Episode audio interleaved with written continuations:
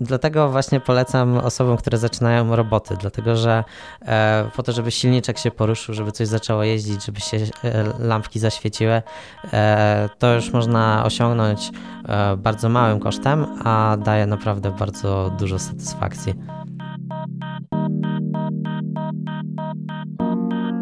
Cześć, za mikrofonu wita Was Grzegorz Kotwis, programista, bloger, prelegent, a w tym momencie podcaster, który zaprasza Was do nowego odcinka podcastu Dev Session z serii Ja Programista. Ja Programista to wywiady, do których zapraszam osoby z branży IT, tak aby podzielili się swoją wiedzą, czym się zajmują, gdzie pracują i skąd się wzięła u nich pasja do programowania.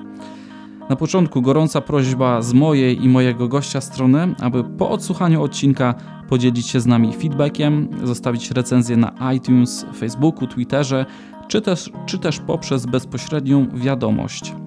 Jest to dla nas bardzo ważne i pozwoli dostarczać coraz to lepszy podcast. Z góry serdecznie dziękujemy. Tematem dzisiejszego podcastu są systemy embedded, a dzisiaj goszczę Macieja Gajdzice, starszego projektanta programistę embedded, automatyka, robotyka, fana muzyki rozrywkowej i kolarstwa oraz szachisty. Cześć Maciej.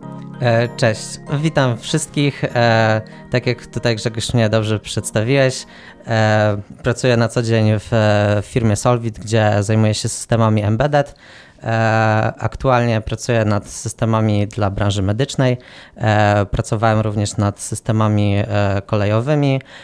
Również robiłem aplikacje przemysłowe, także systemy IoT. Także mam nadzieję, że e, wyjdzie ciekawa e, dyskusja na temat e, różnego rodzaju systemów embedded, ponieważ ten temat jest bardzo szeroki i mieści się w nim bardzo dużo różnych systemów. Bardzo się cieszę, że powiedziałeś, że właśnie w różnych tych działkach embedded pracowałeś, bo to, to jest ciekawe i pokazuje, jak szeroka to jest dziedzina. Jednak, zanim przejdziemy do systemów embedded, czym one są, jaka jest ich definicja encyklopedyczna z Twojego doświadczenia. E, porozmawiamy trochę o Tobie i zacznijmy od Twojego pierwszego spotkania z komputerami. Kiedy to było? Czy pamiętasz ten czas? E, jakie emocje temu towarzyszyły? E, pierwszy komputer, jaki pamiętam z dzieciństwa, to było Atari i używał go mój tata do pracy. E, natomiast e, ja go kojarzę głównie e, z gier. Jedna gra, którą sobie przypominam, nie wiem, nie wiem jaki był prawdziwy tytuł tej gry, ja na to mówiłem Freddy Jaskiniowiec. Nie jestem pewien, czy, czy tak ta gra się nazywała w ogóle. Natomiast komputer, z którym już miałem trochę więcej do czynienia, to był 486 i ten komputer miałem bardzo długo, do połowy podstawówki. E, no i też mi służył głównie do gier i tam e, głównym problemem tego komputera było to, że karta graficzna miała tylko 16 kolorów i wtedy e, gry było dosyć ciężko znaleźć i musiałem się nieźle natrudzić, natrudzić, żeby znaleźć coś, co dało się uruchomić na tym komputerze, ale coś tam mi się udawało znaleźć, na przykład jakiś Transport Tycoon czy e, inne tego typu gry. Co ciekawe, ten komputer też mi służył do szachów, dlatego że e, w dzieciństwie bardzo mocno trenowałem szachy, jeździłem na różne zawody, na Mistrzostwa Polski.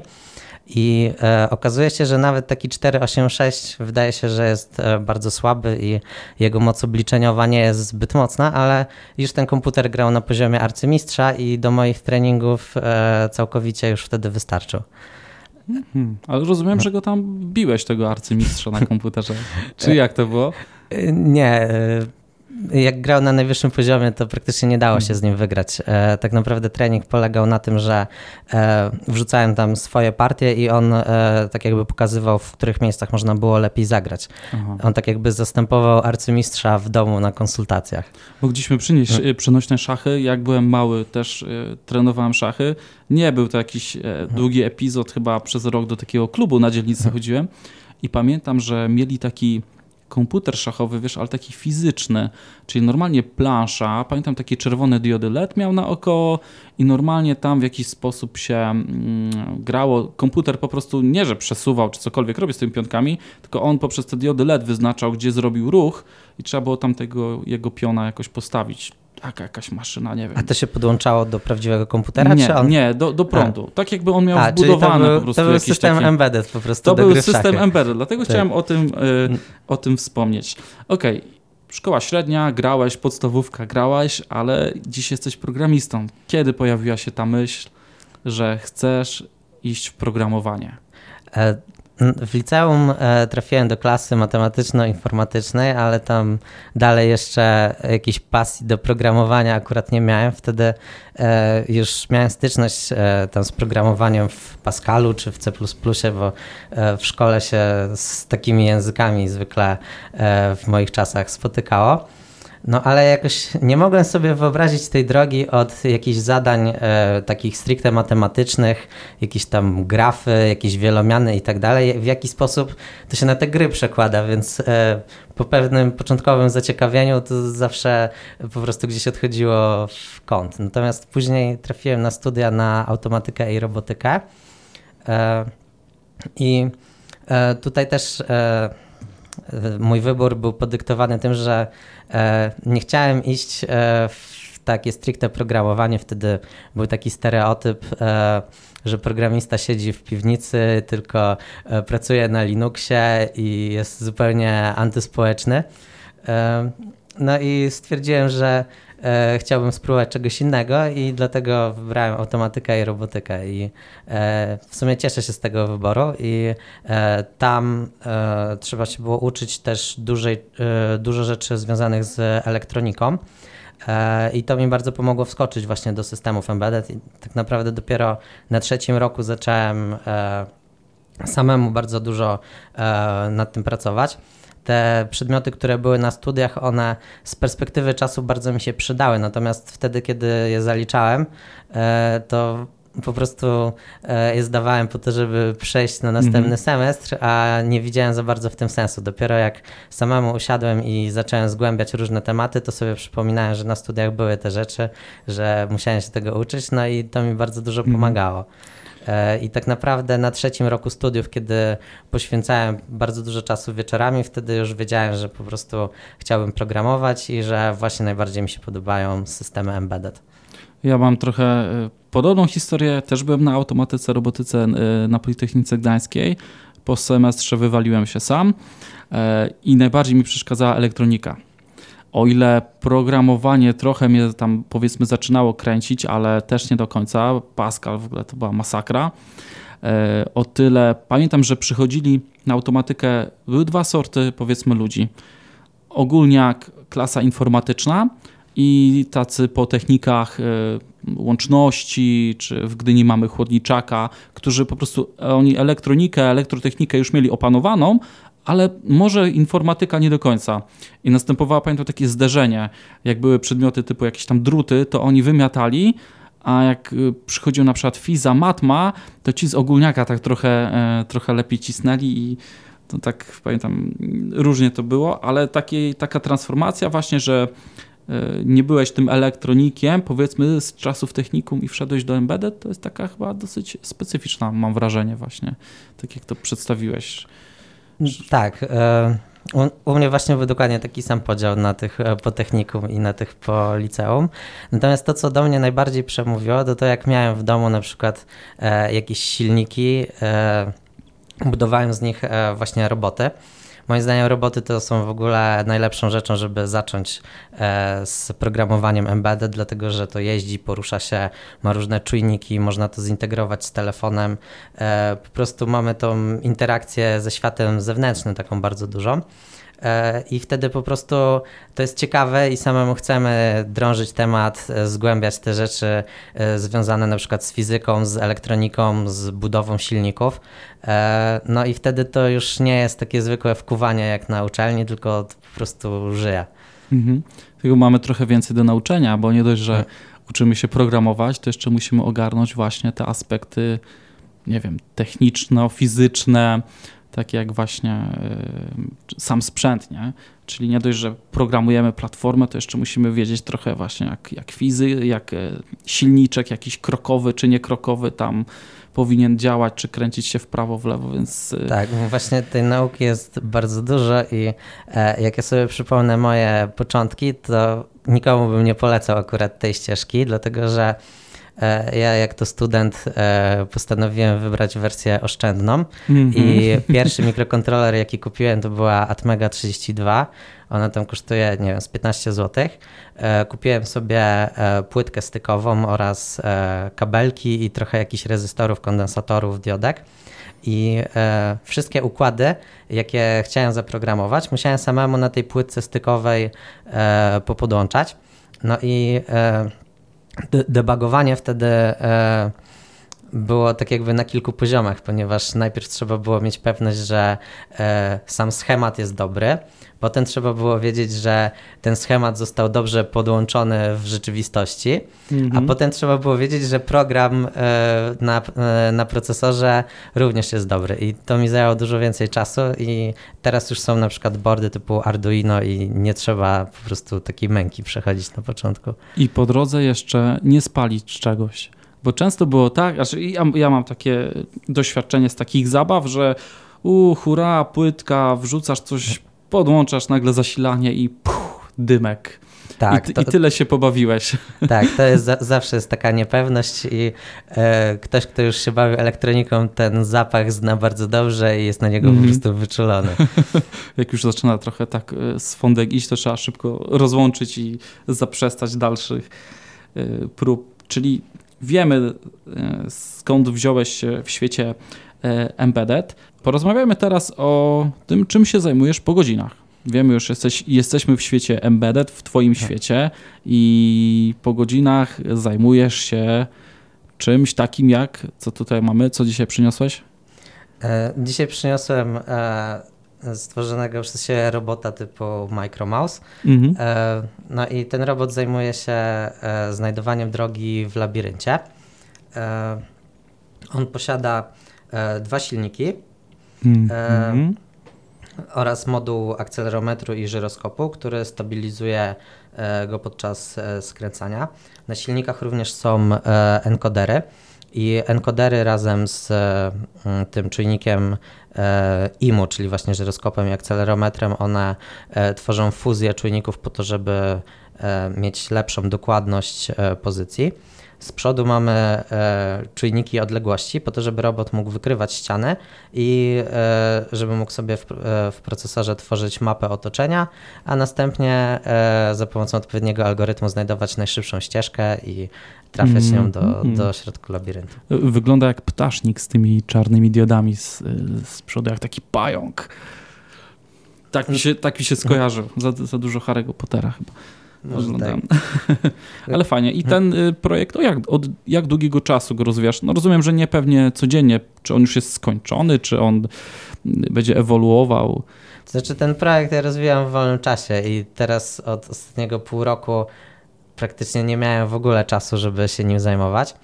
E, natomiast e, zacząłem go robić e, na konkurs Daj się poznać 2017 i wtedy zacząłem od robienia schematu płytki drukowanej. E, następnie e, tą płytkę zamówiłem, później przylutowałem odpowiednie elementy. E, w trzy miesiące DSP ten robot został e, doprowadzony tylko do takiego stanu, że e, coś tam jeździło, silniki się, e, silniki się kręciły, natomiast on za wiele jeszcze nie potrafił, a teraz w ciągu dwóch, dwóch lat dodałem do niego bardzo dużo funkcjonalności. E, no, ale w dalszym ciągu jest jeszcze bardzo dużo przede mną. Mhm. E, projekt jest open source'owy, można sobie zobaczyć kod na GitHubie, jakby mhm. ktoś chciał.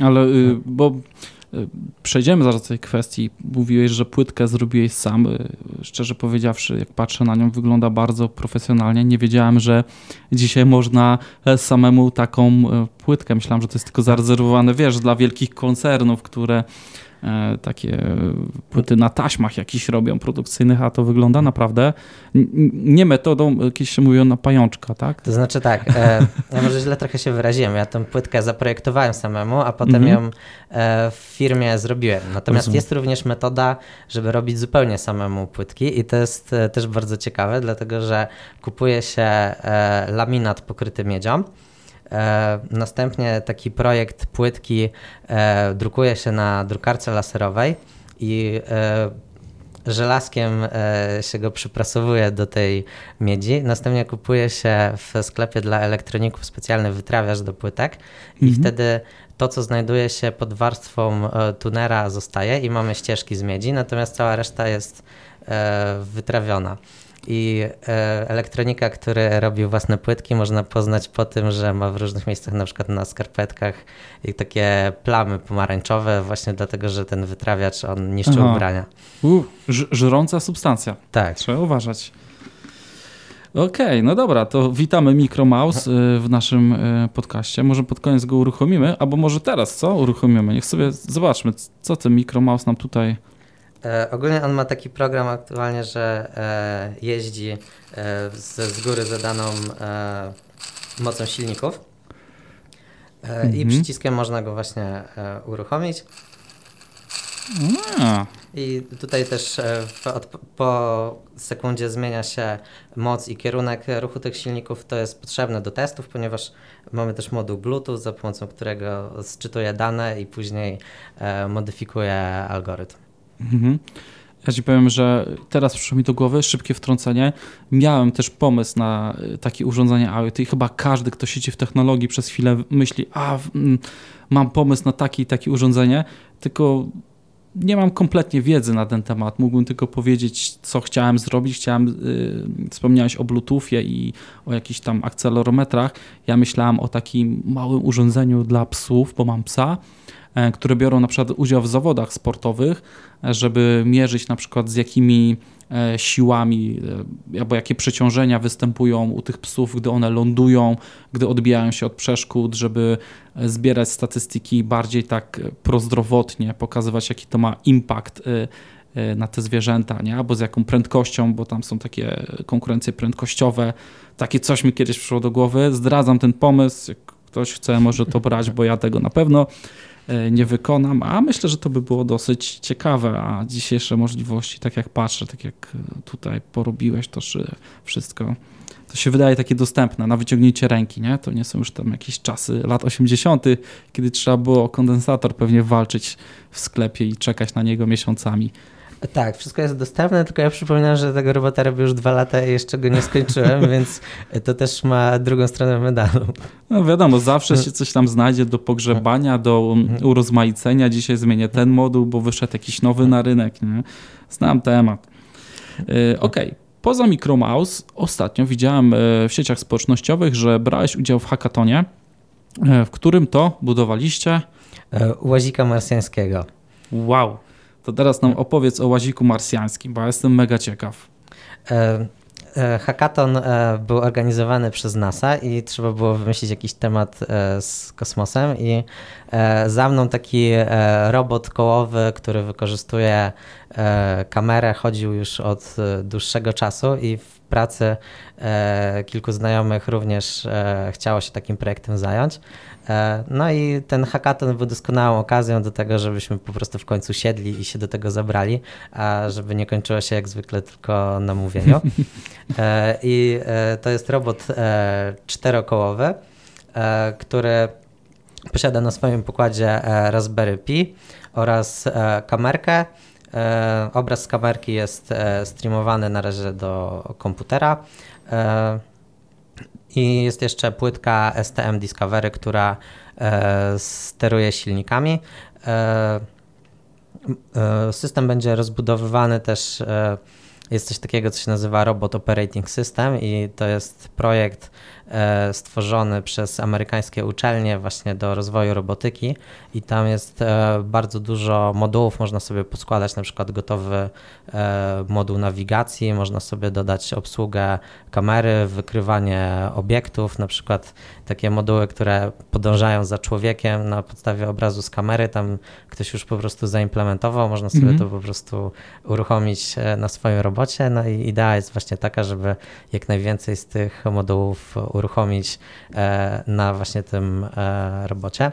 Natomiast łazik ten będzie prawdopodobnie wykorzystywany do innych celów niż eksploracja Marsa. E, Bardziej przyziemnym zadaniem dla niego będzie e, może udział w jakichś e, eventach, e, gdzie e, Solvit będzie się wystawiać. Będziemy po prostu e, pokazywali go na różnego rodzaju targach Mhm. i to prawdopodobnie pójdzie w tą stronę właśnie. Okej, myślałem, że pożegnamy go, poleci w kosmos. Czy, to, to, mu, to mu Mhm. chyba nie grozi. Czy grozi mu to? Właśnie e, w kosmos. Jedną z nagród w tym hackatonie był e, lot w kosmos i udało nam się właśnie zdobyć tą nagrodę. I w marcu prawdopodobnie na pokładzie rakiety e, Space Forest będzie wystrzelony w kosmos. E, Mamy z, te, z tej okazji nawet takie e, zdjęcie tego łazika w takiej tubie, która jest częścią e, rakiety, którą Politechnika Gdańska wykorzystuje do badań. Oni tam umieszczą jakąś swoją sondę. Mhm. Natomiast razem z naszym łazikiem, tą rakietą też poleci, poleci po- inny projekt, który w trakcie tego hackatonu e, robi, robiła inna grupa. Okej, super. Gratulacje. I czekamy na wieści z kosmosu od łazika mars marsjańskiego stworzonego przy udziale Macieja.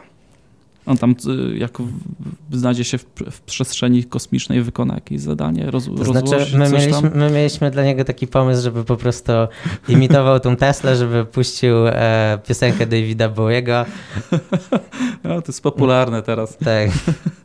Okej, fajnie. Naprawdę gratulacje i e, na tym, w tych takich zawodach życzę e, dalszych sukcesów, bo tutaj w Gdyni nawet mamy jakieś firmy, co się ruszyło. Mam wrażenie, że ruszył się ten przemysł kosmiczny tak troszkę i coś tam te nasze zespoły zaczynają działać w tym temacie. Więc... Tak, właśnie e, podczas tego hackathonu sam byłem zaskoczony, że jest tyle tutaj firm, które coś robią e, w tej branży kosmicznej, nawet tutaj w Trójmieście.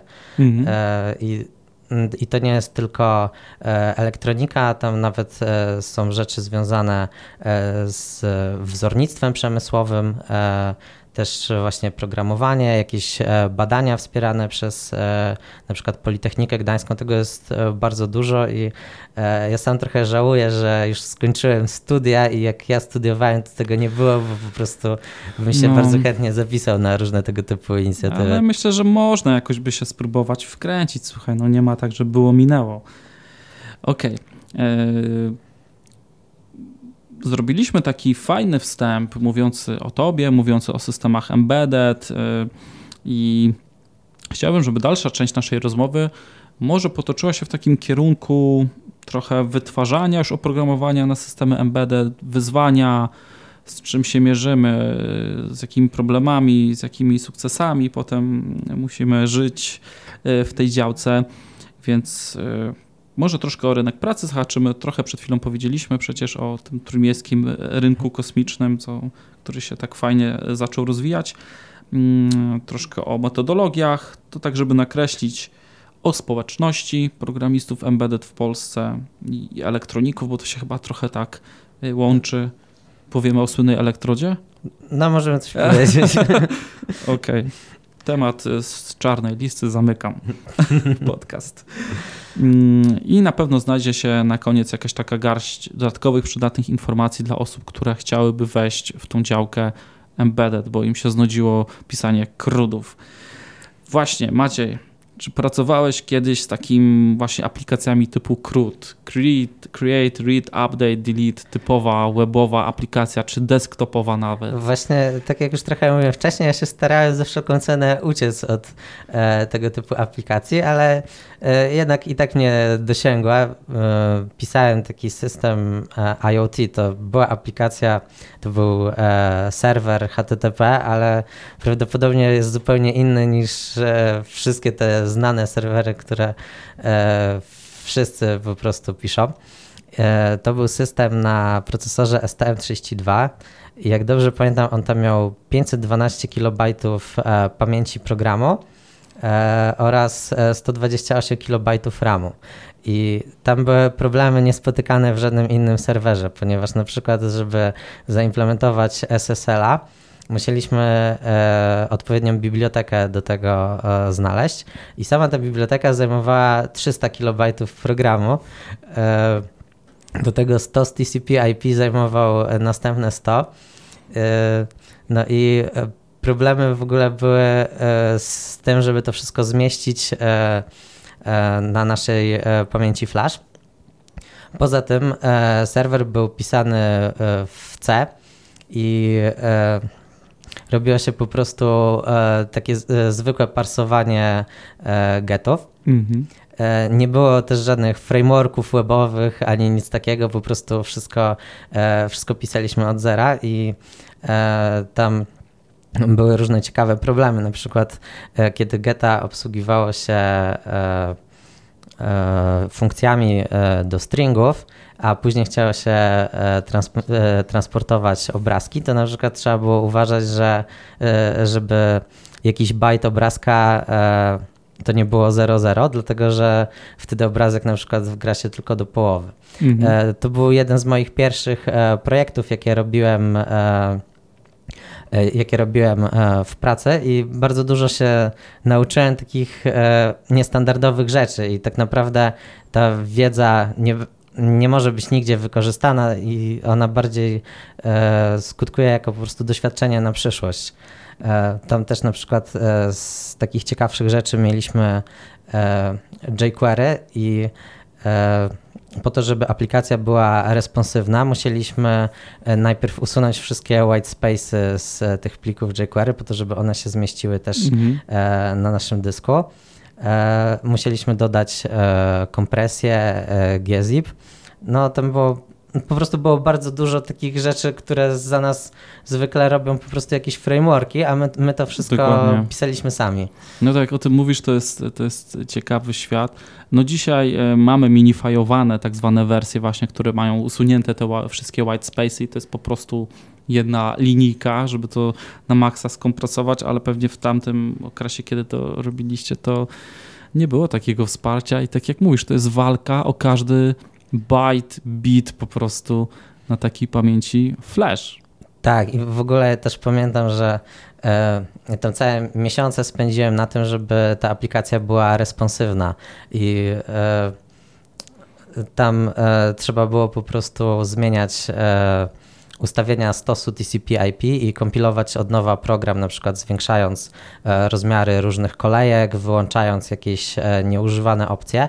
I ja poznałem wtedy ten stos na wylot i e, też trzeba było po prostu użyć różne narzędzia przeglądarkowe po prostu do badania tego performance'u i tam wychodziły różne właśnie bardzo ciekawe rzeczy. Mhm. tak przy okazji, gdyby ktoś się jeszcze zastanawiał na studiach, e, po co uczy się właśnie takich mm, protokołów TCP/IP, UDP, jak działają, to właśnie po to, żeby potem e, móc je e, wykorzystać wiedzę o nich właśnie w systemach embedded. Także drodzy programiści, te uczelnie i to, co was tam uczą, nie do końca jest takie niepotrzebne. Nigdy nie wiesz, w jakim właśnie projekcie się znajdziesz i kiedy ta wiedza się przyda.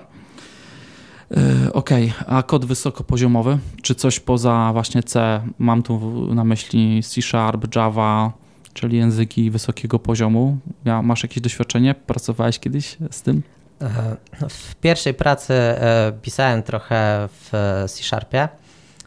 To były testy dla takich płyt embedded trochę większych. Mhm. Natomiast więcej pisałem też na uczelni, dlatego że systemy embedded bardzo często muszą w jakiś sposób wchodzić w interakcję na przykład z komputerem i do pracy inżynierskiej e, pisałem program do konfiguracji e, platformy mobilnej. Ta platforma działała na pilota do telewizora. W ogóle bardzo ciekawa jest historia, w jaki sposób to sterowanie do pilota zrobiłem. To zaraz możemy do tego przejść. Natomiast sam program w C-Sharpie służył do wgrywania konfiguracji po to, żeby odpowiednim przyciskom pilota e, przyporządkować e, odpowiednie funkcje. Natomiast w C-Sharpie już nie programuję praktycznie od końca studiów. Mhm. E, zdarza mi się czasem pisać e, w Pythonie, dlatego że dobry skrypt zawsze e, parę godzin programowania jest w stanie mhm. zastąpić. Automatyzacja ponad wszystko. Wspomniałeś o tym e, coś o sygnałach audio, tak? Dobrze? Nie, o pilocie do telewizora. O tak? pilocie do telewizora. Tak, Jaka ten, historia się za tak, tym kryje? E, ten pilot do telewizora e, to też właśnie był mój projekt z czasów studenckich, gdzie trzeba było ciąć koszty, więc poczytałem sobie w internecie o sterowaniu właśnie elektroniki za pomocą pilota do telewizora i miała to być alternatywa dla modułów radiowych, które są wielokrotnie droższe. Dlatego poszedłem na giełdę i kupiłem za 2 zł e, pilota i okazało się, że nie działał on w żadnym standardzie, na który była gotowa biblioteka. E, dlatego postanowiłem zrobić taki reverse engineering i e, po prostu samemu się dowiedzieć, w jaki sposób ten, w jaki sposób ten pilot działa. E, i trzeba było do tego wykorzystać e, oscyloskop zbudowany z wejścia jack do e, karty dźwiękowej komputera i kilku rezystorków i wtedy po prostu taką sondę oscyloskopu się podłączało do odbiornika podczerwieni i można było po prostu sobie zobaczyć sygnały z oscyloskopu na komputerze. No i potem już można było łatwo dopasować, co jest zerem, co jest jedynką i to odczytywać. Niesamowite. Nigdy nie miałam z czymś takim e, do czynienia i za każdym razem jak ktoś tak, właśnie, taką właśnie... Rzeźbę, od, rzeźbę w dobrym mhm. z tego słowa znaczeniu, nie, że tam mhm. E, ktoś mi opowiada o takich sytuacjach, to to jest po prostu no, dla mnie taki to znaczy, świat. ogólnie to jest. E, ja, ja, teraz nie polecam czegoś takiego. Po prostu w dzisiejszych czasach już e, te moduły e, do kupienia po prostu się rozwinają do tego stopnia, mm -hmm. że nie ma sensu na to e, tracić czasu. Natomiast na no, pewno jest to fajne ze względów no, edukacyjnych. Widać ewidentnie, że pasja, że chęć poznania tego właśnie pchnęły mhm. cię, że no muszę to zrobić w ten, a nie inny sposób, bo inaczej nie osiągnę, nie osiągnę celu. Nie, nie że rozłożę rękę i, ręce i poczekam 5 lat, aż technologia pójdzie do przodu, tylko rozwiązuję problem tu i teraz. Przejdźmy teraz do systemów embedded, choć mówimy o nich o 30, o 30 minut, ale jeszcze nie powiedzieliśmy e, ani grama definicji, e, co to są systemy embedded, gdzie są wykorzystywane i jakie są rodzaje. My zacznijmy od takiej Twojej e, definicji systemów embedded. Dla mnie system embedded to jest taki system, który składa się z software'u i hardware'u i one służą do wykonania jednej konkretnej czynności. Na przykład jak mamy e, komputer zwykły, no to on też się składa z software'u i hardware'u, natomiast e, on jest ogólnego przeznaczenia.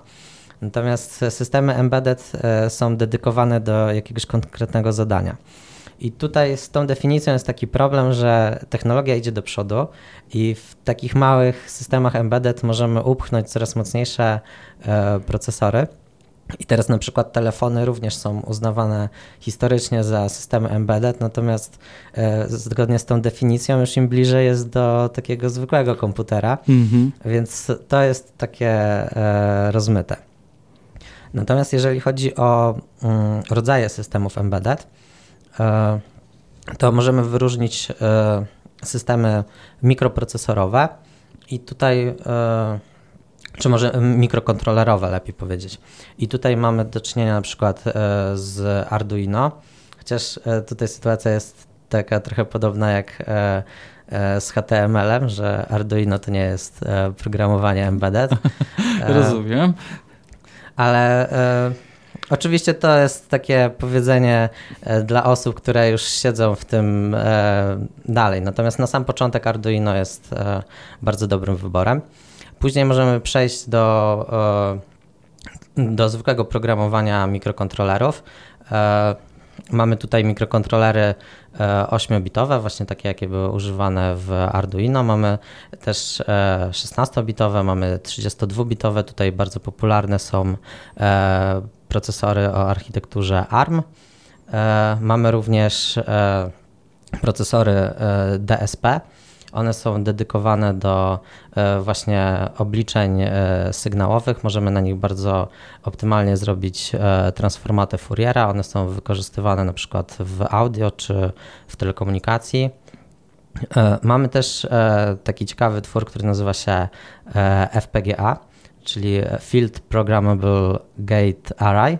Mhm. E, I to, to w ogóle nie jest procesor, to jest e, taki chip, który zawiera w środku e, bramki logiczne. Mhm. I teraz e, mamy specjalny język do tego, który e, mówi nam w jaki sposób e, mają, w jaki sposób te bramki mają zostać zaprogramowane. I on tworzy takie systemy, które, które wykonują zadaną logikę. Można je przeprogramowywać.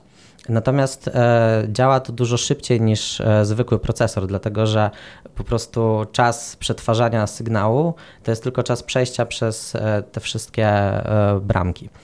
E, I FPGA to jest e, mm, zupełnie oddzielna gałąź systemów embedded. Bardzo przydatne są te systemy e, chociażby przy prototypowaniu. E, Mamy też e, systemy już takie większe, czyli na przykład e, Raspberry Pi czy Intel Atom na przykład. To są takie Mhm. komputery jednopłytkowe do zastosowań przemysłowych.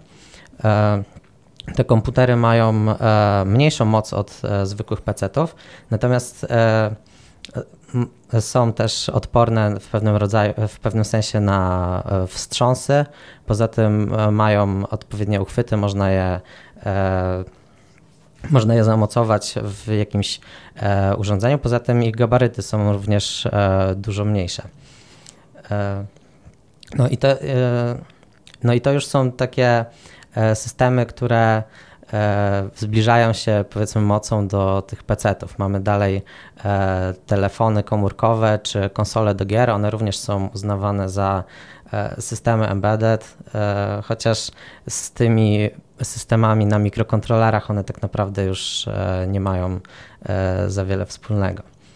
Mm, Rozumiem, czyli tak trochę zarysował nam się taki lekki podział, że możemy powiedzieć, że konsola to jest system jakiś embedded, bo jest, po co, bo zamknięta jest w pudełku, y, nierozszerzalna w sensie, y, nie wiem, czy dobrze tutaj kojarzę, czy, czy, czy Znaczy, trochę mi, się, nie mi się wydaje, że to jest bardziej historyczne. Po prostu kiedyś były Mhm. na przykład jakieś Game Boye albo te pierwsze konsole, no i one były przenośne, małe i Mhm. e, one po prostu później wyewoluowały w stronę PC-ów i mi się wydaje, że po prostu dlatego są nazywane dalej systemami embedded. Okej. Y, Jadąc na to nagranie, myślałem sobie, e, ile w otaczającej nas codziennej rzeczywistości spotykamy systemów embedded.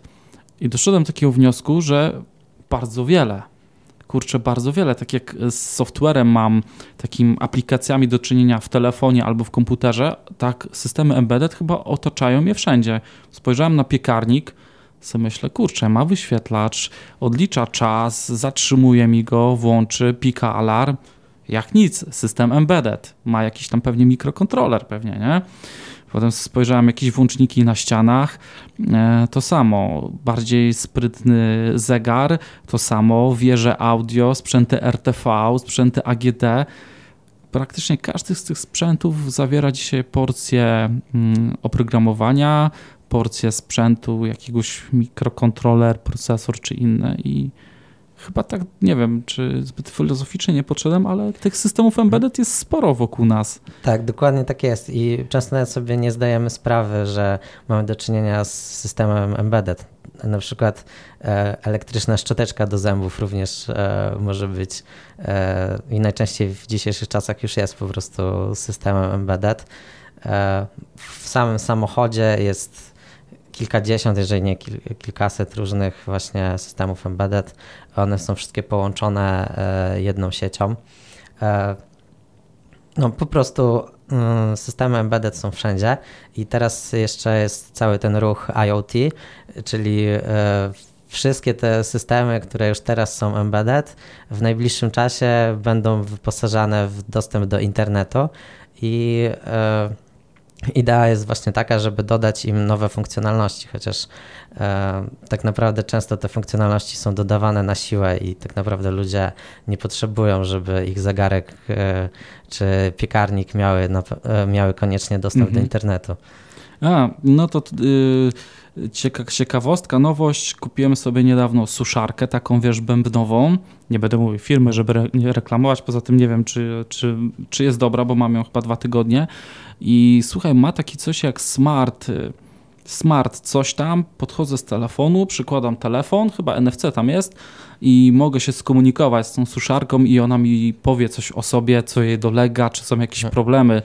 Więc y, no, poszło to bardzo do przodu, aczkolwiek no, wiesz, to jest jakieś pewne, pewnego rodzaju zagrożenie, chyba upychanie aż takiej elektroniki, aczkolwiek y, kiedyś się mówiło, a upychają elektroniki, się będzie miało co psuć. Dzisiaj no, wiemy jak to jest, niektórzy postarzają te sprzęty, niektórzy nie specjalnie, ale, ale jest, nawet zwykła suszarka, pralka, tak jak mówisz, ma komunikację, już tam jest naprawdę złożony, można powiedzieć, y, kawałek software'u i i embedded. Tak, i to jest tak naprawdę problem, ponieważ e, jeżeli coś podłączamy do internetu, powinniśmy również zadbać o e, bezpieczeństwo i tutaj jest tak naprawdę bardzo duże pole do poprawy jeszcze.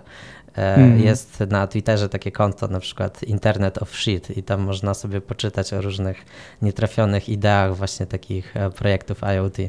Aha, no to podlinkujemy. Y, na pewno w linkach do odcinka zarzucimy Wam trochę rzeczy, bo już dużo tutaj wymieniliśmy i IO, IoT shit na pewno się tam pojawi konto. Maciej, mam takie pytanie, które pojawiło się, nie wiem czy się nie pojawiło od któregoś z naszych słuchaczy.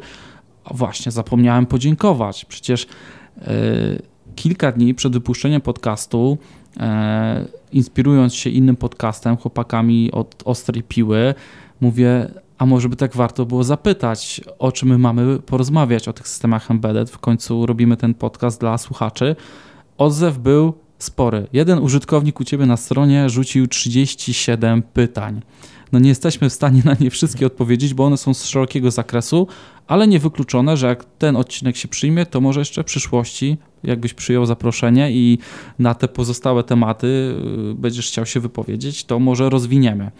Więc y, przy okazji dziękujemy za ten odzew, za te pytania i nie wiem, czy to od ciebie, czy od użytkownika, słuchacza bardziej, czym mikrokontroler różni się od zwykłego procesora? E, podstawowa różnica jest taka, że mm, zwykły procesor e, ma na zewnątrz jeszcze różne pomocnicze układy i na przykład e, pamięć RAM jest oddzielnie. Teraz oczywiście technika idzie do przodu i mamy jakieś cache wewnątrz tego procesora, no ale idea jest taka, że pamięć RAM mamy na zewnątrz, dysk jakiś mamy na zewnątrz, mamy różne urządzenia wejścia, wyjścia, E, która się podłącza przez e, szynę adresową, która tam jest e, wpinana do tego procesora, natomiast w mikrokontrolerze to wszystko jest wewnątrz jednego układu scalonego. I mikrokontrolery dlatego mają słabsze, słabszą jednostkę CPU, mają też mniej RAMu, dlatego żeby to wszystko się po prostu tam w środku zmieściło, ale mają również dodatkowe E, układy peryferyjne, takie jak e, przetwornik analogowo-cyfrowy, takie jak e, protokół UART służący do komunikacji z portem szeregowym. Mamy również interfejsy na przykład SPI i 2C, mamy różnego rodzaju timery, za pomocą których bardzo łatwo jest na przykład zrobić sterowanie silnikiem i to wszystko jest wyprowadzone bezpośrednio na, na pinach mikrokontrolera.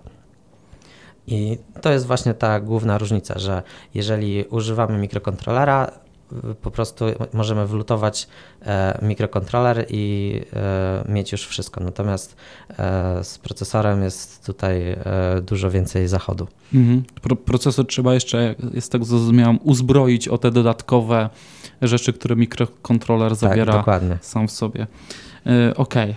I mamy taki mikrokontroler, czy procesor, czy jakiś kawałek sprzętu. I teraz chcemy napisać jakiś kawałek oprogramowania. Jakie języki spotykamy, jeśli chodzi o system embedded? To oczywiście historycznie pierwszym językiem był assembler i jeszcze do tej pory w assemblerze e, trochę się pisze. E, na pewno trzeba znać assemblera, jeżeli jest się już zaawansowanym programistą systemów embedded, natomiast zdecydowana większość branży pisze w tym momencie w języku C. E, I są również języki, które e, starają się zdobyć coraz większą popularność i są wykorzystywane w nowych projektach, tak jak na przykład e, C czy Rust i e, z tymi językami są wiązane duże nadzieje. Mi również się bardziej podobają od e, zwykłego C i e, prawdopodobnie w ciągu najbliższych lat będziemy widzieli coraz większą migrację właśnie na te języki. Mamy również obecny w systemach embedded taki język jak ADA i on jest głównie wykorzystywany w systemach safety. Jest to język, który został stworzony dla wojska i Mm, służy między innymi do oprogramowania e, myśliwców e, dla amerykańskiej armii. E, natomiast jeżeli chodzi o takie mm, popularne języki typu C Sharp czy Java, no to tutaj mielibyśmy duży problem, żeby użyć właśnie takie języki, dlatego że one potrzebują e, runtime'u, czyli musi być mhm. E, system operacyjny, są jakieś e, biblioteki systemowe i tak naprawdę musimy bardzo dużo rzeczy już zapewnić w tym procesorze po to, żeby być w stanie używać tych języków. Mhm. Oczywiście są projekty, które starają się wykorzystać właśnie te języki, tylko one bardziej pokazują, że można, niż służą do tego, żeby jakieś realne, użyteczne mhm rzeczy w ten sposób e, tworzyć. Okej, okay, czyli dla zabawy można by było spróbować z C-Sharpem, czy nawet y, słyszałem coś o Pythonie, że podobno tak, też. Tak, Python też jest. Ale produkcyjnie powiedzmy, czy w takim enterprise, w takim zasięgu już by było ciężej to wykorzystać. Nikt by się na to nie, nie, nie. nie znaczy to jeżeli chodzi o mikrokontrolery, ponieważ mhm. na przykład na Raspberry Pi mamy e, Windows 10 IoT Core i tam mhm. można normalnie w C-Sharpie już programować. No ale to są większe procesory, więc możliwości okay. też są Czyli większe. cały czas trzeba mieć tu z tyłu głowy e, trochę ten podział, że mamy te małe, naprawdę małe mikrokontrolery, które dźwigną e, assemblera C, mają małą ilość pamięci i tu jest ta druga strona trochę tych embedded większych, takich Raspberry Pi, gdzie hobbystycznie można się pobawić C-Sharpem, Pythonem, bo tam mamy no, po prostu większe zasoby i ta maszyna jakoś to dźwignie. Dobrze to ująłem? Tak, bardzo dobrze. Okej, okay, dobra. Bo nie wiem, e, wiesz, nigdy nie wiem, jak kto będzie po drugiej stronie nas słuchał i e, czasem lepiej więcej powiedzieć niż, niż nie dopowiedzieć i, i zostawić tam jakieś takie a po co, a na co, o czym wy to w ogóle rozmawiacie. Okej, okay, a słuchaj, powiedziałeś coś o tej Adzie. Yy, miałeś okazję programować w tym języku ADA? Czym on się charakteryzuje? Dlaczego wojsko go, go wykorzystuje? E, ja jeszcze nie miałem okazji programować w Adzie. Mam to na swojej liście. Mam nadzieję, że e, w końcu doczeka się e, po prostu jakiegoś projektu, w którym będę mógł AD użyć. ADA jest językiem, gdzie bezpieczeństwo było tak jakby jednym z głównych założeń projektowych i tam mamy na przykład mamy design by contract, E, i robimy po prostu na przykład na wejściu i wyjściu z funkcji e, pewne dodatkowe ograniczenia na, e, na zmienne. Jest też dużo więcej takich opcji bezpieczeństwa. Ja tutaj nie będę może ich wszystkich mhm. wymieniać. No i właśnie przez to programy napisane w ADzie może wolniej działają, ale są bezpieczniejsze. Rozumiem. Nie ma rekurencji. Nie śmieję, wiem. śmieję się, ale, ale no, rekurencja na systemach embedded czy, czy nieskończone pętle mogłyby się źle zakończyć, ale to są jakieś takie y, dywagacje, jak pisać ten soft, ale przepraszam, może jeszcze dzisiaj o tym y, pomówimy. Ok, zamknęliśmy temat języków, które wykorzystuje się na platformach embedded. A tak może wyskakując trochę poza teraz ten obszar y, wytwarzania oprogramowania, jaki ekscytujący projekt, taki najbardziej ekscytujący, jeśli chodzi o tą działkę embedded widziałeś? Mi się najbardziej chyba podobają te projekty z Boston Dynamics, mhm. e, ponieważ po pierwsze jest mi blisko właśnie do robotyki, e, po drugie tam jest bardzo właśnie e, dużo softu embedded, e, no a poza tym też e, pod względem e, fizyki tam też wszystko jest bardzo dobrze dopracowane, są też algorytmy e, sterowania mhm. i wydaje mi się, że to jest po prostu taki najwyższy poziom e, wtajemniczenia e, i jednocześnie coś, co daje naprawdę bardzo, e, bardzo fajne efekty po prostu zwykłym ludziom, którzy nawet e, nie wiedzą, co tam jest w środku. Mhm. Ja y, chyba taki, no nie wiem czy ekscytujący, ale ostatnio się zainteresowałem y, po tym, jak moja żona, y, która jest fizjoterapeutką, kupiła sobie taką maszynę do ultradźwięków i terapii prądowej. Nie wiem, czy dobrze mówię. Tak. I to jest chyba polski producent, polski soft i zacząłem się tam bawić tym i powiem ci, mnie to zafascynowało, bo tam i upchnięta jest y, trochę encyklopedii, anatomii i takie i takie programy, po prostu to nie jest jakaś taka durna maszyna z kilkoma przyłącznikami, tylko całkiem y, sprawny, powiedział taki naprawdę fajny system.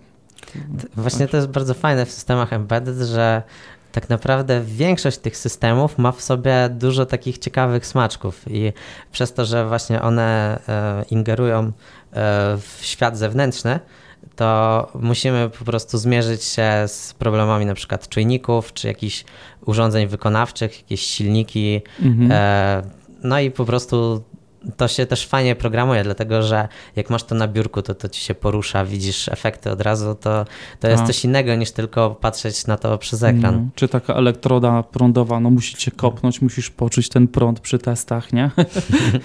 jak robisz, wiesz co mi się przypomniało? E, z czasów dzie dzieciństwa to chyba najbardziej fascynującym systemem embedded, teraz wiem, że to mogę nazwać chyba embedded, to były te ruskie gierki takie, z tym takim zającem, co łapał te mhm. jajka. No system embedded jak nic, nie? Wyświetlacz, mikrokontroler, jakieś tam urządzenie wejścia, które tam sterowało tym, tym, tym całym zającem. Miałeś okazję grać w takie gierki? Tak, oczywiście.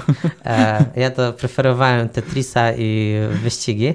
I oczywiście też później, jak się zacząłem tym zajmować, no to musiałem rozkręcić i zobaczyć, co tam jest w środku. A, taka ciekawska dusza. Tu zajrzę, tam zobaczę, rozkręcę. Super. Um, macie filozoficzne pytania. Jak wygląda życie programisty w świecie embedded? Troszkę powiedzieliśmy, że trzeba mierzyć się ze sprzętem, z softwarem, z, potem interakcja użytkownika w to wchodzi, który będzie z tego korzystał. Czym to się różni od takiego, nazwijmy to, zwykłego programowania, żeby mieć jakieś porównanie aplikacji biznesowych? Robimy jakąś web apkę, cokolwiek. Czym się różnią te dwa światy? E, różnic jest oczywiście cała masa. E, możemy zacząć od tego, o czym już trochę wspomniałem, po prostu o tych ograniczeniach związanych e, z pamięcią flash i pamięcią RAM. Trzeba po prostu tą aplikację upchnąć na, małym, na małej przestrzeni. E, poza tym e, często ograniczony jest e, dostęp do dynamicznej alokacji pamięci, ponieważ systemy embedded bardzo często działają na przykład przez wiele dni bez przerwy i wtedy jakbyśmy mieli jakiegoś memory leaka, no to już skutki mogą być dużo większe i ta wydajność jest po prostu osłabiana coraz bardziej i no i taki system się nie nadaje do użytku wtedy. E, tak samo nie mamy czegoś takiego jak zwykły system operacyjny, jak Windows czy Linux. Często systemy embedded są tak zwane bare metal, czyli nie mają żadnego systemu, piszemy bezpośrednio na rejestrach procesora. Inną alternatywą jest E, system e, operacyjny czasu rzeczywistego, czyli RTOS. I tutaj mamy do wyboru e, różne opcje. Najpopularniejszy jest Free RTOS, który jest darmowy i jest dostępny na wiele różnych platform. I tutaj mamy tutaj to samo, co w programowaniu wielowątkowym na większą skalę, czyli na przykład deadlocki i inne tego typu problemy, natomiast mhm. tutaj bardziej widzimy e, te bebechy. Mamy dostęp na przykład do stosu, możemy sobie w ramie zobaczyć, gdzie e, procesor e, odłożył na przykład rejestry tasku, który nie jest aktualnie używany na co dzień oczywiście nie musimy z tego korzystać. Zakładamy, że AirTOS e, dobrze się tym wszystkim zajął, natomiast podczas debugowania po prostu jesteśmy bliżej mm -hmm. tych e, wszystkich bebechów. Poza tym bardzo często nie możemy korzystać z żadnych zewnętrznych bibliotek. Na przykład jakieś aplikacje wysokopoziomowe E, mają cały ten ekosystem już bardzo dobrze Aha, rozwinięty. Tam my tam czerpiemy z niego bardzo. No właśnie. Z, tam... z repozytorium paczek po prostu one tam się grzeją, my tam tylko ciągniemy miliony paczek dziennie. E, jak się przeszuka GitHuba dobrze, to można znaleźć jakieś e, projekty w C i C++, które jesteśmy w stanie wykorzystać w systemach embedded. Natomiast tutaj też musimy mieć na uwadze na przykład to, że nie możemy korzystać z bibliotek systemowych, które na przykład e, obsługują coś związanego z Linuxem, dlatego że albo musimy to sportować na e, system, z naszym, e, na nasz system operacyjny, e, albo po prostu musimy e, wyciąć tą funkcjonalność w jakiś sposób. No mhm. poza tym, tak jak już wcześniej mówiłem, na przykład ta dynamiczna alokacja pamięci, i przez to okazuje się, że tych bibliotek, które możemy użyć, jest e, bardzo mało i bardzo często przychodzi nam samemu pisać e, jakieś e, na przykład własne protokoły komunikacyjne, własne formaty plików albo w ogóle formaty danych do składowania w pamięci, nawet bez systemu plików, ponieważ system plików również trzeba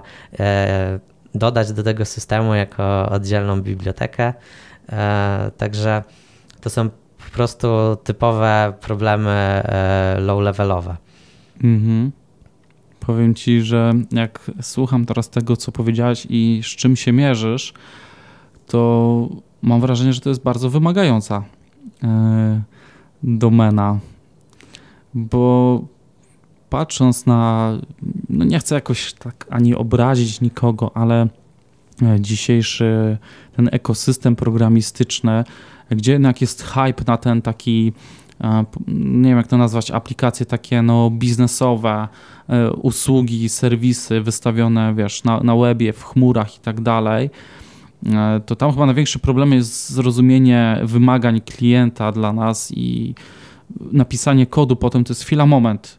Zestaw frameworków, bibliotek, narzędzi, po prostu wyciągamy to tak. A u ciebie nie ma systemu plików, trzeba napisać system plików, nie ma komunikacji sieciowej, trzeba napisać komunikację sieciową i tego typu rzeczy, więc to jest to znaczy, to o czym mówisz, to moim zdaniem może być trochę uznane za zarzut w stosunku do społeczności embedded, ponieważ mhm. te systemy są tworzone już od dłuższego czasu i e, naprawdę niektóre rzeczy już powinny być ustandaryzowane. Mhm. E, oczywiście tutaj jest większy problem, choćby z tym portowaniem na różne platformy. Natomiast e, też mam takie wrażenie, że po prostu e, Programista na początku swojej drogi może korzystać z jakichś gotowych bibliotek i się nie zastanawiać, co jest pod spodem. Natomiast e, w dalszej części edukacji jednak w końcu zawsze znajdzie się jakiś bug, którego tr trzeba rozwiązać, grzebiąc trochę w bebechach tych bibliotek mm -hmm. i po mhm. prostu wtedy e, zyskujemy wiedzę na temat e, wewnętrznych zależności. Hmm. Myślisz, że branża embedded z tego powodu może być uznawana za niszową, że ten próg wejścia jest dużo większy, że jednak ta wiedza niskopoziomowa, która no, powiedzmy nie jest łatwa, czasem nie jest ciekawa, e, nie widać jakby szybko rezultatów e, tego, co my wytwarzamy, no bo nie jesteśmy w stanie pokazać, patrz jaką ma ładną stronę, zobacz jak ona się świeci, jakie ma fajne przyciski, tylko pokazujesz komuś kawałek małego mikrokontrolera. Słuchaj, zobacz, to jest mikrokontroler. On potrafi e, już liczyć, mnożyć i komunikować się. Ja nad tym pracowałem miesiąc, że to jest takie właśnie trochę, mam wrażenie, e, no taki trochę dysonans w tym świecie programowania, że my tu tak sobie fajnie, że się zetknęliśmy, bo jestem w ogóle po przeciwnej y, stronie jakby tej, tej, tej, tej, tej barykady i to są ciekawe rzeczy, bo nie spodziewałem się, że aż tyle musicie w tych embedded się tam narobić. To znaczy, ja tego też tak nie odbieram, dlatego że no po prostu e, w ramach zbierania doświadczenia, jakiejś edukacji, e, różne tematy już przerabiałem i one po mhm. prostu E, one po prostu nie, nie, są mi obce i e, wiem, jak z tym się mm, obchodzić. I e, to jest chyba coś, co każdy po prostu programista w miarę zdobywania mhm. doświadczenia ma i jakieś wzorce projektowe w embedded też istnieją. One są trochę inne niż w mhm. E, programowaniu obiektowym, chociażby dlatego, że w Embedded korzystamy z C i sama obiektowość jest wzorcem projektowym e, w C. Mhm. A, tak, taki, a tu, tu ci coś nie działa, a to musisz przesunąć bit w tak. lewo. Bo... A jeżeli chodzi właśnie o te pokazywanie efektów, to dlatego właśnie polecam osobom, które zaczynają roboty, dlatego że e, po to, żeby silniczek się poruszył, żeby coś zaczęło jeździć, żeby się e, mhm. lampki zaświeciły, e, to już można osiągnąć e, bardzo małym kosztem, a daje naprawdę bardzo dużo satysfakcji. No. I idą święta, można zrobić sterowanie choinki, e, światełek i tak dalej na przykład. Nie? Taki popularny. Kiedyś było takie, jak się chodziło do sklepów elektronicznych, mieli takie gotowe kity nie pamiętasz, bo siedziałeś w tym, ja tam kilka razy byłem i tam można było sobie przeglądać i pamiętam było takie sterowanie chyba choinką, jakieś bzyczki, odstraszacze komarów można było robić. Chociaż to bardziej wiązało się z lutowaniem niż, e, niż z programowaniem. Te, te, te kity. Yy, Okej. Okay. Hmm. Czy myślisz, że my jako ja jestem teraz ta druga strona, programista taki wysokiego poziomu, nie wiem w życiu może, czy, czy ja napisałem jakiś kod operujący bezpośrednio na bitach i bajtach, chyba tylko jak flagi deklarowałem. Czy my możemy od tego świata embedded coś się od was nauczyć? Ja mam jedną, mam jedną rzecz w głowie. I, ja czytałem taki artykuł e, nie tak dawno, o tym, że e, cały ten postęp techniki, e, całe to prawo mura mhm. jest wykorzystywane w ten sposób, że nie robimy rzeczy, których wcześniej nie dało się robić, tylko tak jakby nasze aplikacje są coraz cięższe po to, żeby szybciej mhm. dochodzić do, do prostych efektów. Może właśnie e, takie poszanowanie dla e, dla tych zasobów e, procesora, chociaż mi się wydaje, że jak tych zasobów jest dużo, to tak naprawdę nie trzeba aż tak o to dbać wtedy. No, to są takie aspekty typu y, wczesna optymalizacja, czy jest sens na jakimś etapie, powiedzmy, przejmować się, że teraz tu troszkę więcej zaalokowałem, bo spędzę, nie wiem, dzień na optymalizacji czegoś, co w końcowym rezultacie w ogóle nikt z tego nie skorzysta, bo będzie to się działo na jakiejś maszynie, która spokojnie e, udźwignie tam, nie wiem, zjem dodatkowe pół gigaramu, nic się nie stanie, ale, ale tak czytałem też ten artykuł i bardzo fajne tam były takie przesłania i to co mówisz, że technologia daje nam więcej, no to czemu by z tego nie skorzystać, też czerpiemy więcej, no bo, bo nie muszę się przejmować, nie? I tak, ale... Tak, i tam właśnie była taka konkluzja, że teraz już doszliśmy do tej granicy wydajności procesorów i trzeba się mhm. zastanowić, e, co, co dalej z naszą branżą i może to jest e, dobry krok naprzód. Może to jest dokładnie krok. To, co się dzieje teraz w, w świecie .NET Core'a, nie wiem, czy, czy masz okazję śledzić, ale .NET Core wyznaczył sobie e, za taki cel, aby ich framework był bardzo szybki. Bo .NET jako .NET powiedzmy jest takim, można powiedzieć, skończonym frameworkiem. Tam nie ma, nie widzę, co by można było więcej upchnąć. Da się w tym pisać aplikacje desktopowe, webowe. On jest taki, można powiedzieć, pełny. Wszystko nam daje. Mamy komunikację sieciową, pracę z systemami plików. Większość rzeczy już tam wymyślono. No to trochę doszliśmy do granicy, że no ale może by go przyspieszyć i .NET Core nie dość, że jest multiplatformowy, to tam jest bardzo duży e, nacisk na, na małą alokację zasobów, pamięci, e, wręcz do tego poziomu schodzą, że ten kod maszynowy, który jest docelowo e, wypluwany, jest bardzo optymalny. Badają po prostu, jak w assemblerze to wygląda i trzeba przyznać, że idzie to w .NET Core w dobrym kierunku i tak jakby tak to, o czym mówi, że tak jakby trochę się odwróciło i teraz zaczynamy dbać o, o zasoby, przynajmniej jeśli chodzi o, o, o .NET Core'a. No tak, to, to jest moim zdaniem dobry trend i też właśnie to zauważyłem. E, ja może na e, dotnecie się tak bardzo nie znam, ale e, widziałem właśnie jakieś artykuły dotyczące performance'u i to nawet nawet jest dosyć podobne, jeżeli chodzi o ten kod maszynowy, ten intermediate language, mm -hmm. tak? No taki kod pośredni to jest nazywany. Tak. Mm -hmm albo właśnie e, sposoby alokacji pamięci, no mhm. tak, to, to jest na pewno mi bliższe niż takie zwykłe e, właśnie mhm. krudy. Ale my, jako tacy programiści wysokopoziomowi, biznesowi, którzy siedzimy blisko biznesu, mamy różne wzorce, dajemy też, albo możemy dać coś programistom embedded. Mam tu na myśli jakieś metodologię wytwarzania oprogramowania. Ostatnio y, wypuściłeś artykuł, w którym zainteresowałeś się DDD w kontekście embedded. Tak, bardzo dobrze, że poruszyłeś ten e, temat, dlatego że ja uważam, że e, te wszystkie e, nowe, e, e, nowe metodyki e, wytwarzania oprogramowania, one właśnie rodzą się w takich aplikacjach webowych, i tam są dopracowywane i tam e, po prostu e, tam są udoskonalane i pokazują swoje e, najlepsze właściwości. Natomiast później, kiedy już wiemy, że tak należy wytwarzać software, te praktyki można przenieść również na grunt systemów embedded, które mają swoje własne problemy. Na przykład jednym z problemem bardzo częstym bardzo często poruszany przy okazji e, Scrama, czy w ogóle jakichś zwinnych metodyk wytwarzania oprogramowania, jest to, że w systemach embedded, jak e, tworzymy projekt, to musimy również tworzyć hardware. I na przykład, jak e, taki hardware się tworzy przez kilka miesięcy, czy nawet pół roku, no to w jaki sposób tutaj dostarczać co chwilę działającą wersję produktu, jak robić te iteracje i tak dalej. Mhm.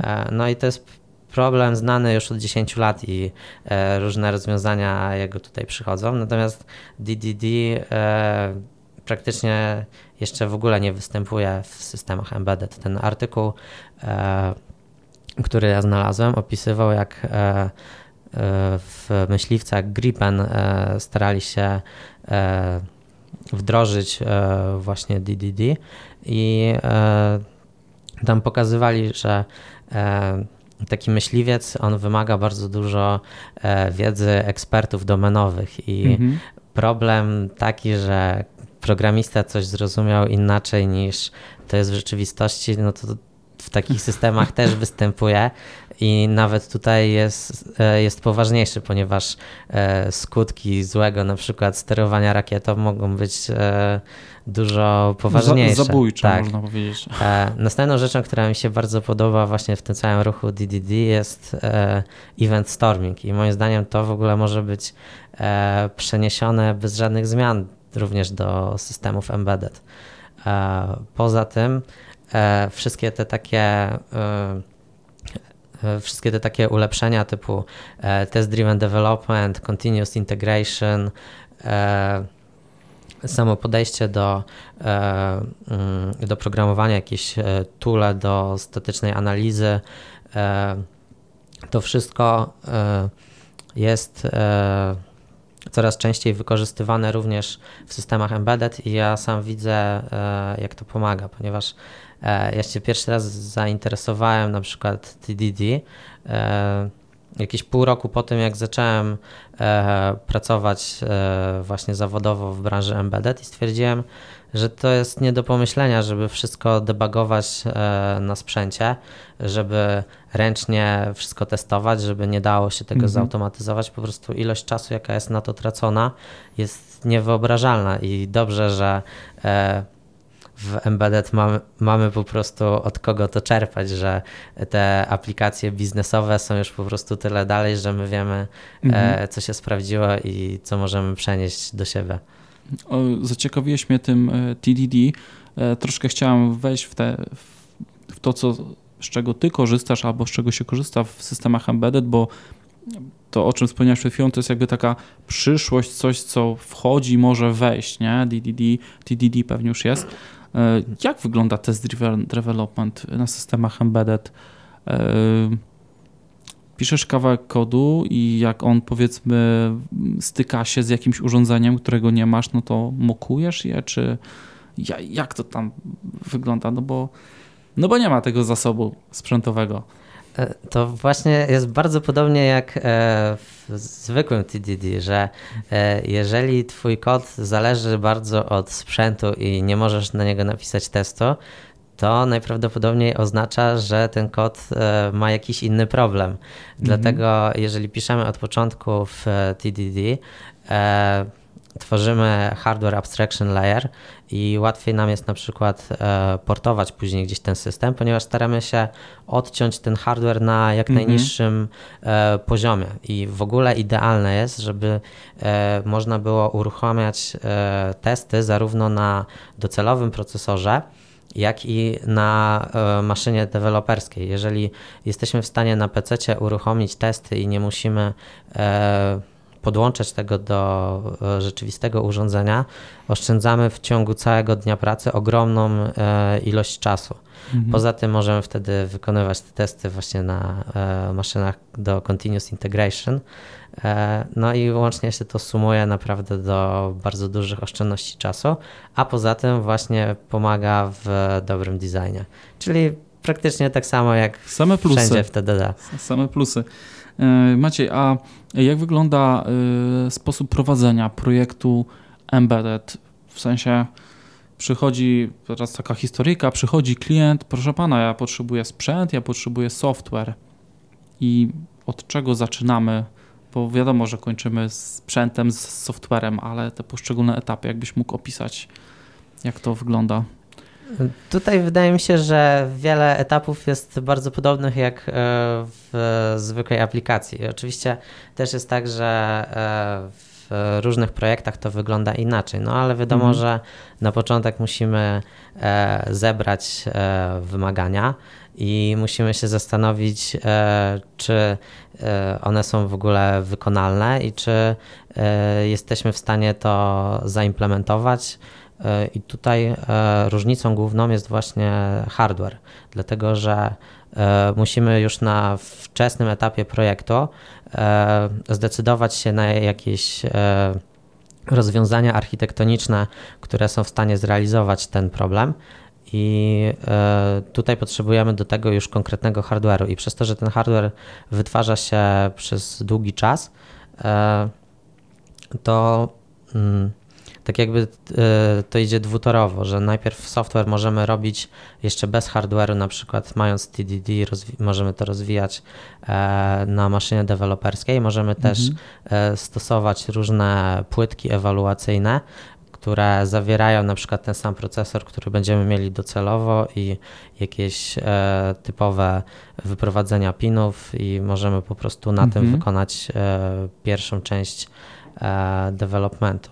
Natomiast e, sam kontakt z klientem tutaj jest e, dosyć podobny. Musimy e, w jakiś sposób być w stanie dostarczać te kolejne iteracje, żeby pokazać, co chcemy zrobić, żeby w jakiś sposób zweryfikować, czy idziemy w dobrą stronę. No i tutaj oczywiście, jak to w IT, różne, proje różne projekty inaczej sobie z tym radzą, jedne lepiej, inne gorzej. Mhm, ale chyba jest jedna rzecz, która jest zawsze w takich projektach embedded dokumentacja techniczna. Dobrze e, myślę? Tak, tutaj e, podstawową taką dokumentacją, e, z której korzystają dewelopery, takim minimum to jest chociażby e, schemat e, elektryczny, dlatego że po to, żeby zaprogramować tą płytkę hardware'ową, musimy wiedzieć, jakie urządzenia są podłączone do jakich pinów. No a mm, Samo to też jest często niewystarczające, dlatego dobre są jakieś e, właśnie schematy wyższych poziomów. E, dodatkowo, skoro efektem końcowym jest jakieś urządzenie, e, też musi powstać dokumentacja dotycząca użytkowania tego urządzenia. Mm -hmm. No i tutaj też są różne podejścia. Bardzo często jeszcze się w Waterfallu robi różne systemy embedded, no i tam jest nacisk na to, żeby zamykać te fazy z odpowiednią dokumentacją, no ale jak to działa w praktyce, to, to bywa różnie. Często ta dokumentacja jest, mhm. ale e, nie jest na przykład przydatna albo e, jest jakaś e, mm, nieaktualna. Natomiast co ciekawe, istnieją takie projekty embedded, w których nie dość, że dokumentacja jest rozwijana jednocześnie z oprogramowaniem, to jeszcze ta dokumentacja jest przydatna e, i naprawdę e, widać, że ułatwia, e, ułatwia pracę, dlatego że chociażby jak wchodzi do projektu nowa osoba, to nie trzeba 10 razy tłumaczyć tego samego, tylko po prostu ktoś sobie przeczyta i, mhm. i wie. Rozumiem powiedziałeś, że one mogą być rozwijane równolegle, w sensie, że ktoś pracuje nad hardwarem, a dział software'owy, bo to mogą być przecież, przecież różne osoby, dzięki tym płytkom tak, ewaluacyjnym, czy też mi przyszło do głowy e, emulatory. Korzystacie z emulatorów? Emulatory były popularne, jak dobrze pamiętam, jakieś e, pod koniec lat 90., natomiast one wyszły z użycia i te płytki ewaluacyjne e, mhm. są częściej wykorzystywane. Tutaj też jest taka mhm. kwestia, że e, producenci e, różnych IDE czy narzędzi hardware'owych, takich na przykład sąd debugowych, mhm. oni bardzo mocno poszli w takie narzędzia wspierające bezpośrednio pracę z hardwarem, takie, które możesz podłączyć do fizycznego procesora i sobie po prostu e, breakpointy stawiać, podglądać pamięć i tak dalej. Bo mhm. tutaj e, też w procesorach E, wykorzystywanych w embedded to jest utrudnione, dlatego że nie mamy takich opcji debugowych, nie możemy na przykład e, często cofnąć e, instrukcji, którą -hmm. już mhm. wykonaliśmy, tylko trzeba resetować program. Tak samo nie możemy sczytywać łatwo logów, dlatego że logi zwykle są wysyłane na przykład przez interfejs szeregowy i on jest na tyle wolny, że się wykona już bardzo dużo innych instrukcji, zanim my w ogóle odczytamy te logi. I tutaj też są pewne wspomagania hardware'owe, które są w stanie wyeliminować po prostu te e, rozbieżności, no ale przez to, że to są faktyczne hardware'owe, po prostu fizyczne urządzenia, e, one też swoje kosztują. Szereg wyzwań z tego, co no opowiadasz. Tak. Okej, okay, mamy kawałek hardware'u. Powiedzmy, że faza jakieś prototypowania się zakończyła. Napisaliśmy kawałek softu i teraz jak ten soft jest e, wdrażany już na to urządzenie? Czy to jest tak, że ktoś przychodzi, nie wiem, z pamięcią flash, czy jak wygląda w ogóle taki proces? E, to znaczy, mm, podczas e, developmentu e, programuje się tą pamięć flash za pomocą debugera.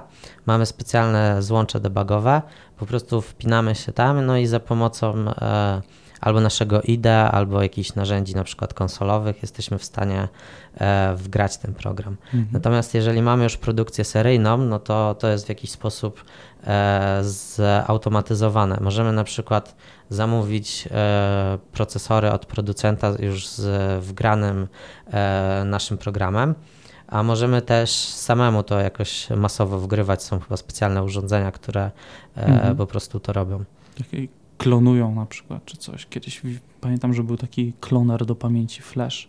Nie, on po, po prostu jest jedna binarka i on to jakoś mhm.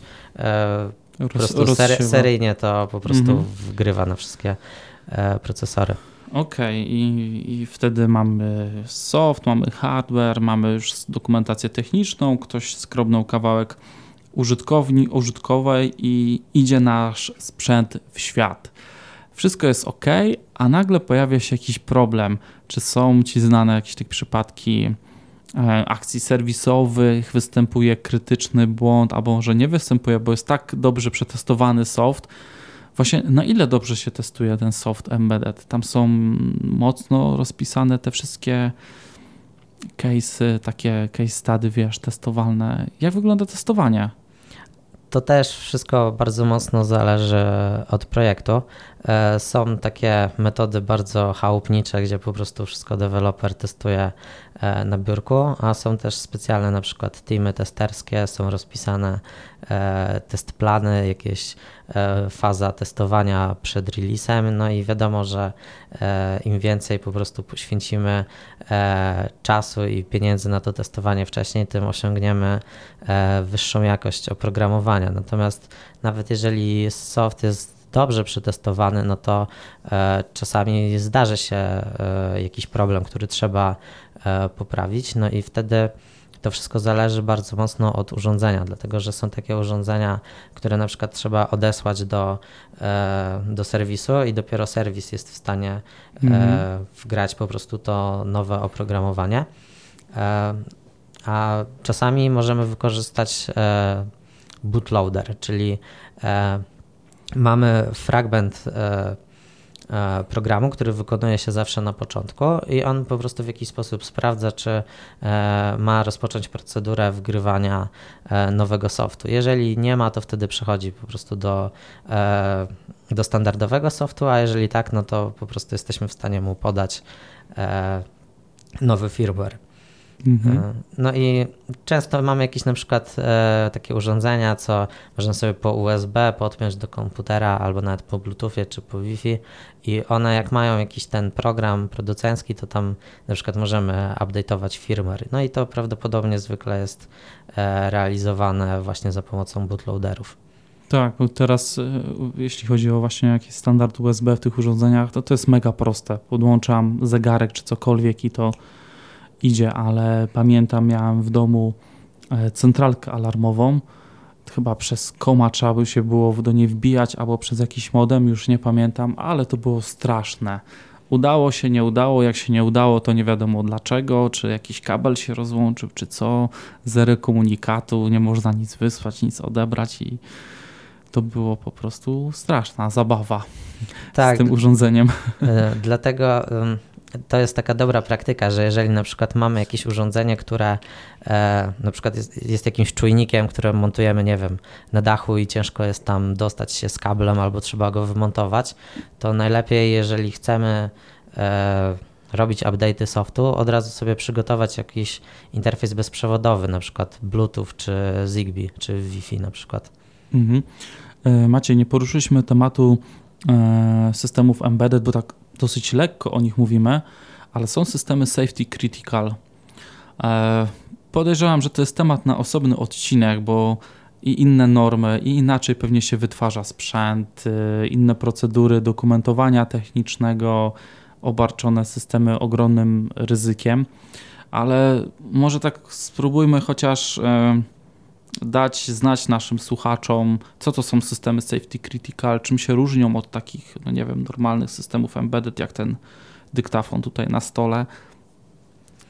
E, systemy safety critical to takie systemy, których błędne działanie może mieć jakieś poważne konsekwencje albo dla zdrowia i życia ludzi, albo może powodować zniszczenie jakiegoś bardzo drogiego sprzętu, albo na przykład jakąś katastrofę ekologiczną. No i e, takie typowe grupy systemów safety critical to urządzenia medyczne, e, samochody, e, pociągi, e, też e, te mm, samoloty i statki kosmiczne, także elektrownie atomowe, e, systemy wojskowe również się zaliczają czasem do systemów safety critical czasami są traktowane zupełnie oddzielnie, ale one również mają bardzo podobne e, procesy. E, I tutaj sytuacja wygląda tak, że w zależności od tego, jaki to jest system, on dostaje taką klasę bezpieczeństwa. I na przykład, e, jeżeli mamy w samolocie system sterowania, no to jeżeli on będzie źle działać, to wtedy zagrożone jest życie wszystkich pasażerów. Więc to jest system o największym E, największym poziomie bezpieczeństwa.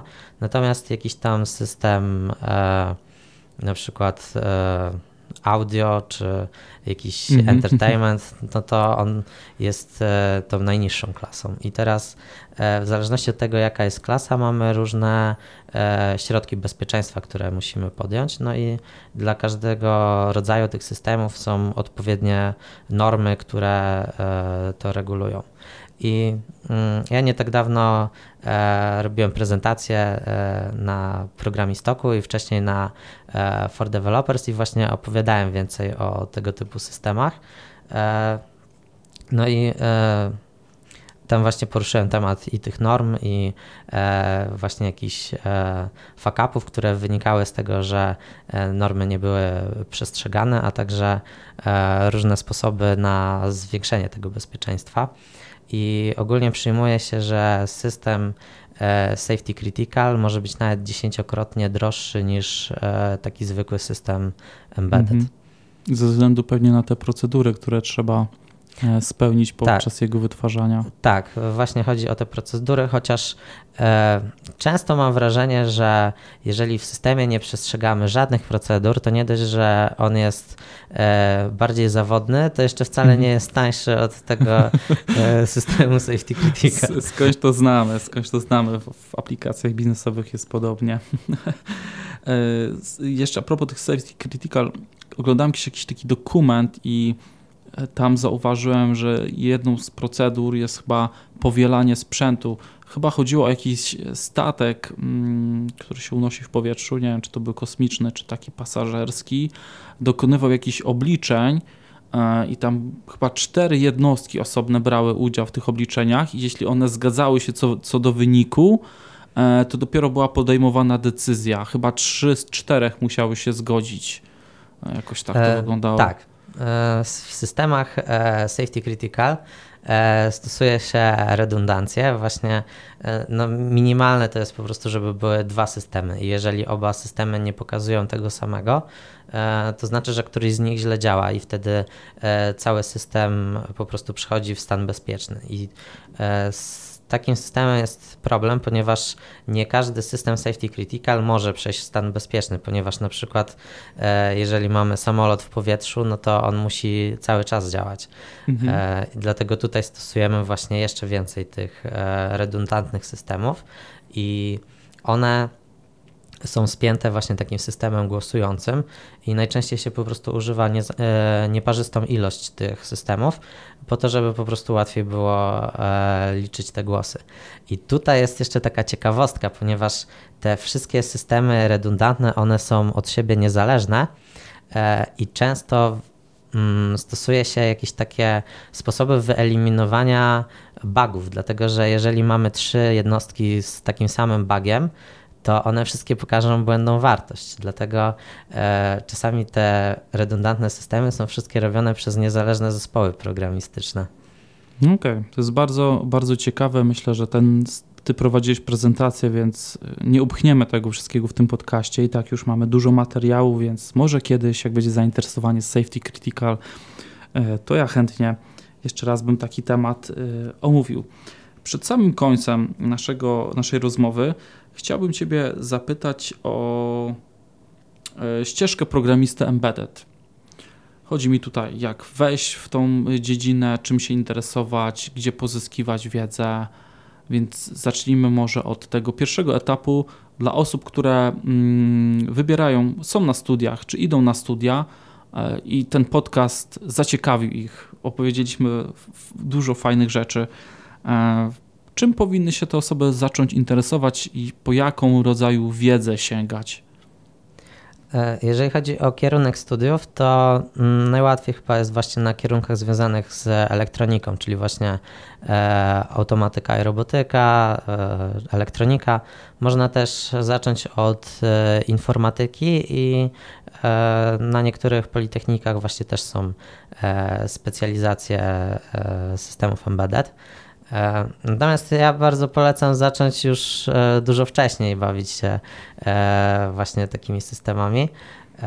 I już dzieci mogą próbować na przykład z Lego Mindstorms, a później na przykład gimnazjaliści czy licealiści mogą po prostu robić proste układy elektroniczne za pomocą części, które kosztują na przykład do 50 zł i tutaj bardzo polecam e, taką stronę e, forbot.pl. Ja sam zaczynałem od tej strony. Ona wtedy się jeszcze inaczej nazywała, nazywała się Dioda. E, I tam mamy bardzo dużo kursów wprowadzających.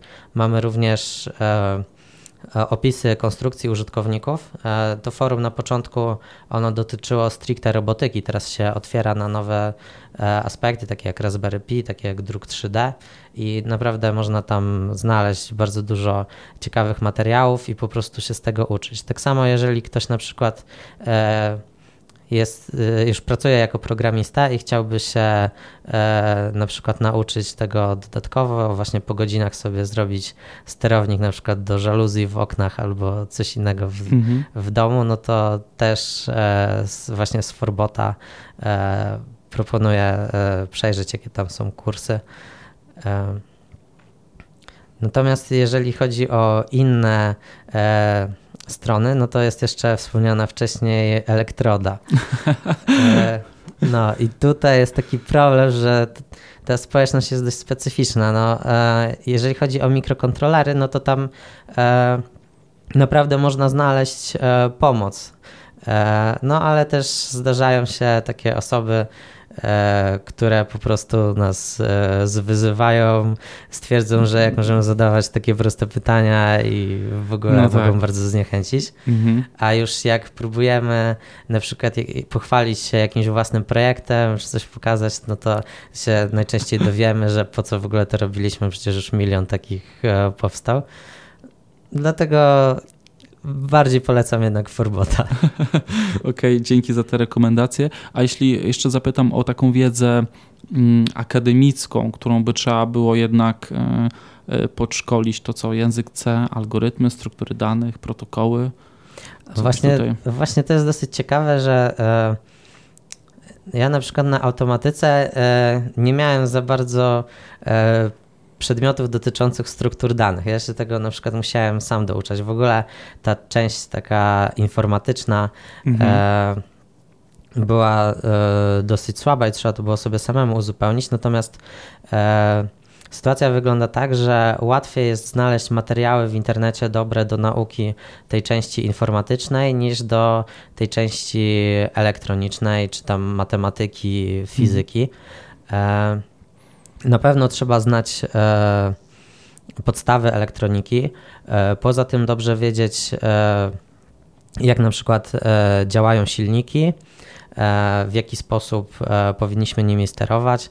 Tak samo fizyka się bardzo przydaje do różnego rodzaju sensorów, na przykład akcelerometr wykorzystuje grawitację i odczyty z akcelerometru są tak, jeżeli nasz obiekt się nie rusza, no to wtedy odczyty z akcelerometru e, po prostu pokazują nam e, wektor e, siły grawitacji. No i po prostu po prostu bez tej wiedzy nie, jest, nie jesteśmy w stanie mhm. dalej pójść. Poza tym warto znać też architekturę komputerów, te takie przedmioty, których tam raczej nikt nie lubi, o tych właśnie Mhm. szynach danych, jakichś tam e, właśnie e, interakcjach wewnątrz procesora. Ja też tego nie lubiłem, ja też nie wiedziałem w ogóle po co to jest, a później dopiero się okazało, że to naprawdę bardzo dużo daje. E, Poza tym warto znać na przykład e, protokoły komunikacyjne, czy też e, jak działają podstawowe peryferia, tak jak właśnie na przykład przetwornik analogowo-cyfrowy, co jesteśmy w stanie za ich pomocą wykonać, jakie mają też ograniczenia.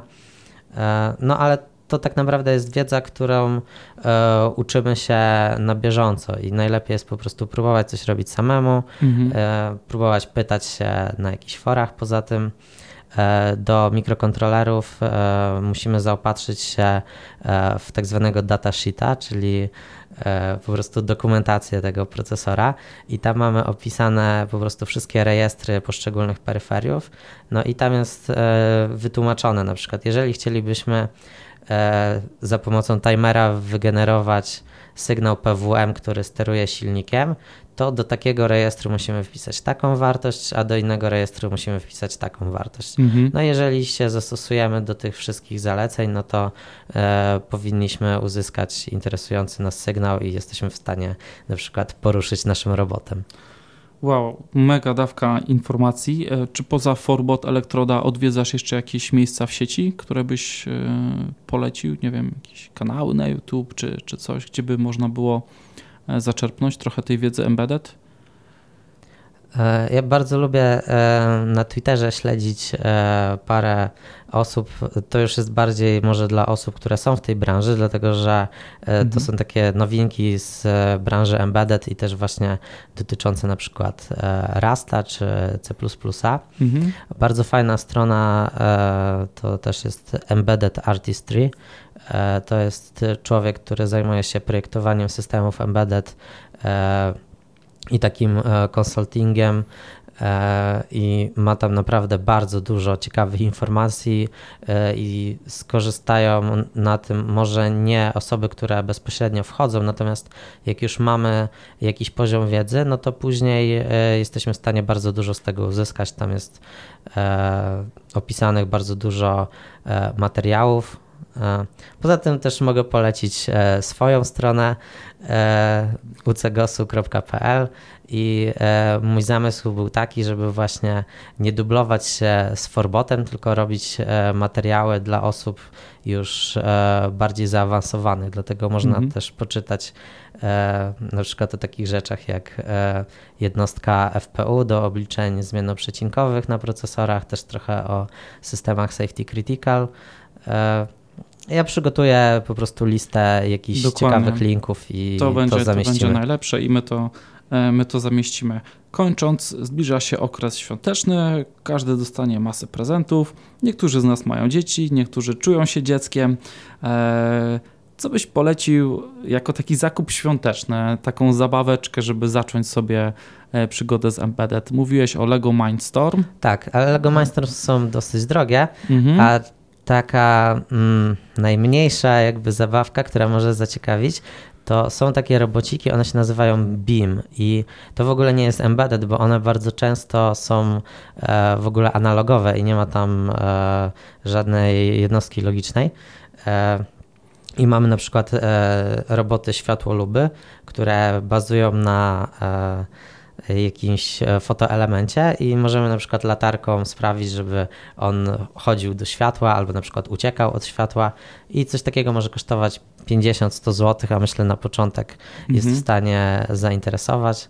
Poza tym można właśnie e, kupić e, jakiś taki zestaw e, gotowy, na przykład płytkę ewaluacyjną albo jakieś po prostu układy elektroniczne po to, Mhm. żeby zacząć się tym bawić. Dokładnie. Malinka, nie wiem jak, ile teraz malina kosztuje, tak, ale malinka tak 170 zł gdzieś Aha. kosztuje.